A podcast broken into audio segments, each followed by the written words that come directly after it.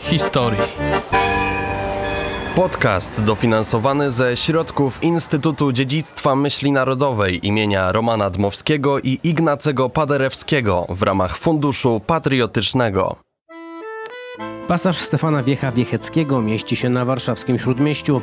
Jest równoległy do ulicy Marszałkowskiej. Zaczyna swój bieg od ulicy Widok, następnie przecina Chmielną, Złotą i kończy się skrzyżowaniem z ulicą Sienkiewicza.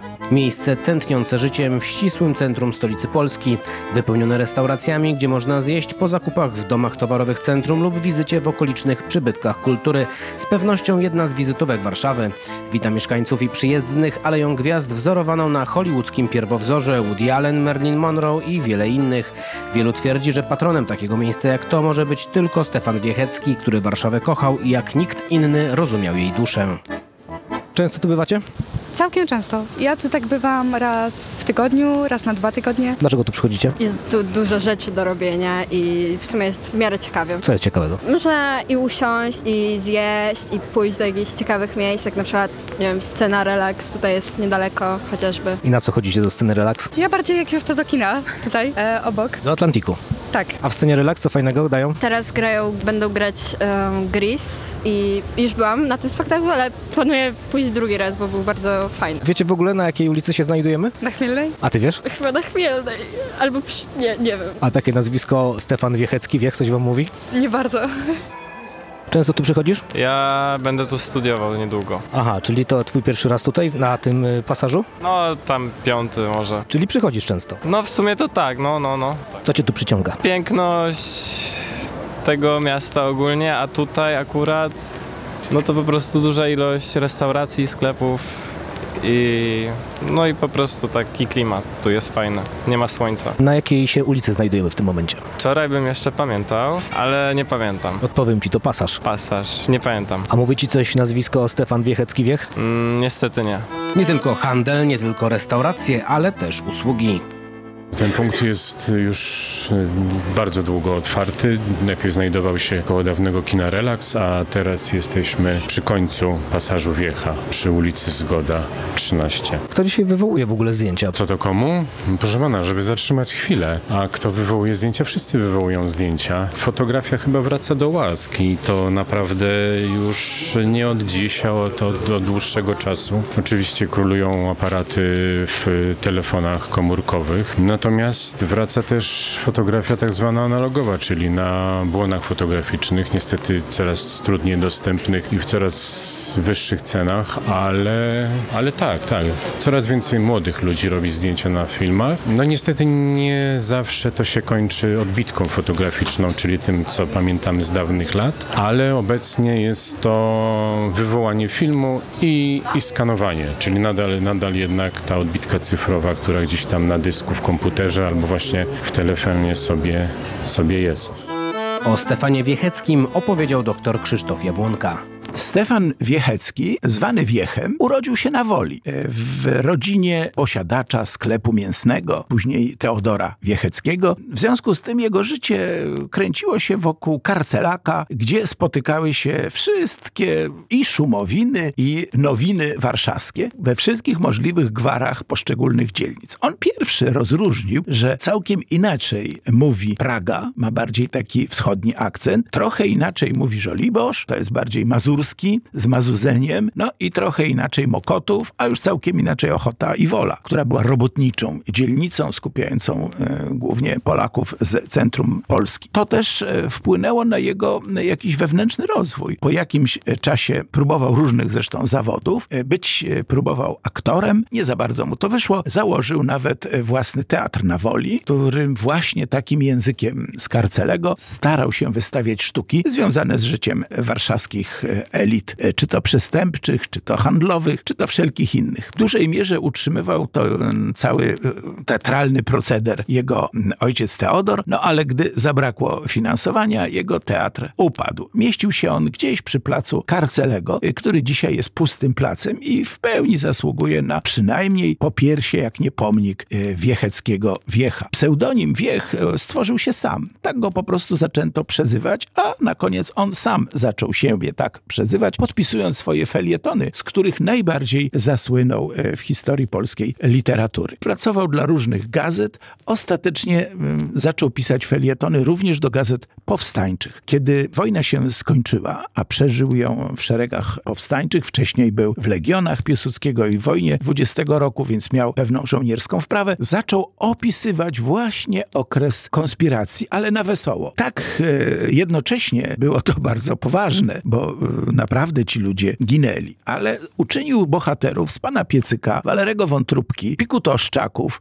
i tym podobne nazwiska, to właśnie on wprowadza do mowy warszawskiej, którzy żyją z handlu, z przemytu, ze wszelkiej kontrabandy przeciwniemieckiej oczywiście, którzy zabraniali normalności. I zachowywanie się normalne w czasach niemieckich było nienormalnym. W związku z tym ci ludzie opisani w jego najładniejszej powieści Kafę pod Minogą. No, Minoga to takie zwierzę, w którym naprawdę kpi z wielu rzeczy, wprowadzają zresztą jedynego mieszkającego w Warszawie Murzyna ze Stanów Zjednoczonych. Czy też e, w kilku następnych jego powieściach, w tym autobiograficznej. Wszystkie one posiadają e, tak zwane draczne tytuły, czyli wywodzące się z mowy potocznej. Najciekawsza jest jego interpretacja historii Polski w powieści pod tytułem Helena w stroju niedbałym, czyli historia Polski przez pana Piecyka opowiedziana. Piecyk to był taki wymyślony przez niego mieszkaniec Pragi. I rzeczywiście na wesoło, z niezwykłym poczuciem i znajomością historii i poczuciem humoru, wszystkie niemal fakty w naszej historii zostały odpowiednio zinterpretowane. A jeszcze ozdobione przez Uniejowskiego wyszły w specjalnym wydaniu i zrobiły niesamowitą furorę. Ostatecznie największą sławę przyniosły mu felietony wypowiadane, odczytywane przez samego Wiecha przez radio, których e, prawie cały komplet zachował się i dzisiaj Wiecha można spokojnie słuchać, jak narzeka lub też opisuje, czasami wyśmiewa, ale najczęściej to po prostu głęboko kocha tę starą, zazmrodzoną, często niezaniedbaną, ale e, swojską, piękną Warszawę, e, której jeszcze nie zniszczyli, czy to Niemcy, czy później odbudowujący ją w socrealizmie Polakosowieci. A zatem chwała Wiechowi uczczono go pięknym pasażem na ścianie wschodniej, tuż za ulicą Marszałkowską, tak równoległą do Marszałkowskiej. Historię samego pasażu przybliżyła warszawska przewodniczka Magdalena Kuc. To jedna z najciekawszych, chociaż może nieobecnie, części Warszawy. E, czyli dawny pasaż śródmiejski, bo wcześniej to miejsce w ten sposób się nazywało i on jest bardzo mocno związany z taką realizacją, która powstaje pod koniec lat 60. i to się nazywa Ściana Wschodnia. Czyli mówimy o domach towarowych e, centrum, i o tym wszystkim, co dzieje się za domami towarowymi centrum. Bardzo ciekawa realizacja, bardzo nowatorska, jak na tamte czasy.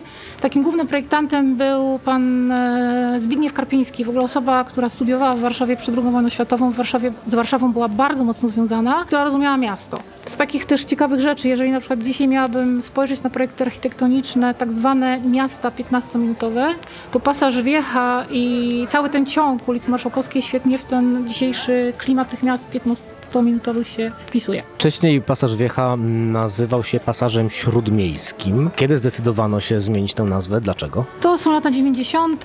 Można powiedzieć, że odwilż to było na kanwie tych wszystkich zmian e, związanych z e, okrągłym stołem i z odzyskiwaniem przez Polskę suwerenności, może powiem w ten sposób. E, jeżeli chodzi o patrona, on był bardzo mocno po prostu związany z Warszawą. Chyba nie ma mm, lepszego patrona dla tego miejsca, szczerze powiedziawszy, biorąc pod uwagę to, że to jest ścisłym centrum miasta. E, co jest jeszcze ciekawego, jeżeli chodzi o ten pasaż śródmiejski, on był świetnie zaprojektowany, tak jak już mówiłam na samym początku. E, przede wszystkim oddzielał bardzo głośną, gwarną ulicę Marszałkowską z całym ciąg, ciągiem i kompleksem usługowo-handlowym od domów mieszkalnych, które e, też były elementem ściany wschodniej, które mieściły się dokładnie za e, domami towarowymi centrum. Tam była cisza, tam był spokój, bardzo dużo różnego rodzaju fajnych miejsc, gdzie można było pójść, napić się kawy, odpocząć po zakupach, bo wyjścia z domów towarowych centrum były zarówno na ulicę Marszałkowską, że takie do dzisiejszego, jak i właśnie na obecny pasaż Wiecha, czyli wcześniej na pasaż śródmiejski. E, I tak jak mówiłam, pasaż miał, pełnił funkcję tego 15-minutowego miasta, czyli wszędzie dla mieszkańca jest blisko. Po zakupach może sobie odpocząć, e, może wrócić albo nie, nie musi wracać do domu. W każdym razie ma gdzieś takie enklawy, gdzie może poczuć się e, dobrze. Na pasażu Wiecha jest wiele restauracji, dookoła wiele takich miejsc kultury jak Studio Relax, Kino Atlantic, gdzie warto e, się tam przejść, coś co zobaczyć? Przede wszystkim jednym z takich najciekawszych ze względu na historię miejsc jest warszawski e, pawilon architektury Zodiak. On nawiązuje do e, słynnego warszawskiego Zodiaka. To była restauracja i kawiarnia z takim fantastycznym neonem, który został e, niedawno odtworzony. I to jest przestrzeń kulturalna, można tak powiedzieć, która promuje różnego rodzaju akcje związane z architekturą nie tylko na terenie Warszawy, ale generalnie z architekturą. Także tam warto przyjść. Wystawy są zmieniane co jakiś czas, niemniej jednak zawsze jest to coś ciekawego i przede wszystkim odnoszącego się do e, tej tkanki miejskiej, może powiem w ten sposób. Także jak najbardziej to polecam. Drugim takim miejscem, które polecam, e, to jest e, dawny budynek Kina Relax, który przechodził najróżniejsze perypetie no, ze względu na różnego rodzaju problemy, przede wszystkim finansowe. Natomiast od jakiegoś czasu bardzo prężnie działa tam taka przestrzeń związana z kulturą. Można pójść sobie obejrzeć najróżniejszego rodzaju przedstawienia, na dole jest też kawiarnia. Może powiem o tym, jak pasaż Wiecha został zniszczony. I o ile mm, Zbigniew Karpiński, który jest projektantem całej ściany wschodniej, oczywiście nie sam, tak, e, i pasażu e, Wiecha jakby rozumiał przeznaczenie tego miejsca i naprawdę zrobił fantastyczną robotę architektoniczną, to naprawdę jest jedno z najlepszych, jedna z najlepszych realizacji w ogóle w Polsce tamtego czasu. O tyle niestety mam wrażenie, że współcześni architekci nie nadążają za e, tym projektem, dlatego że jakiś czas temu pasaż Wiecha został e, w bardzo niewłaściwy sposób przekształcony, to znaczy s- mm, zos- został w bardzo niewłaściwy sposób przekształcony, zatracając swój pierwotny charakter. E, Zdemontowano małą archi- architekturę.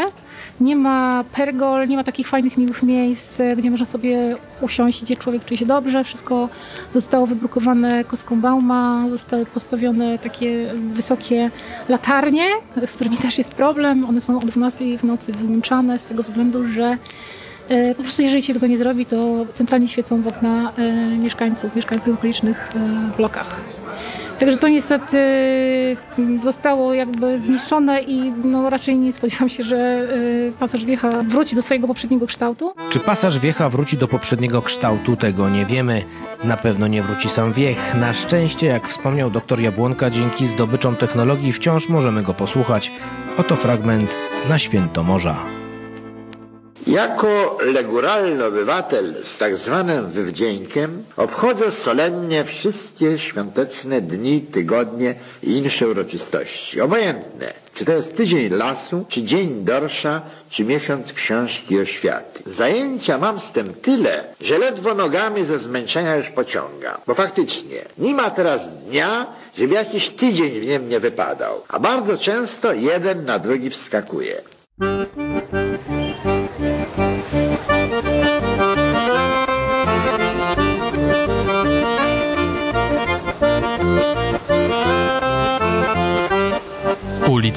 Historii.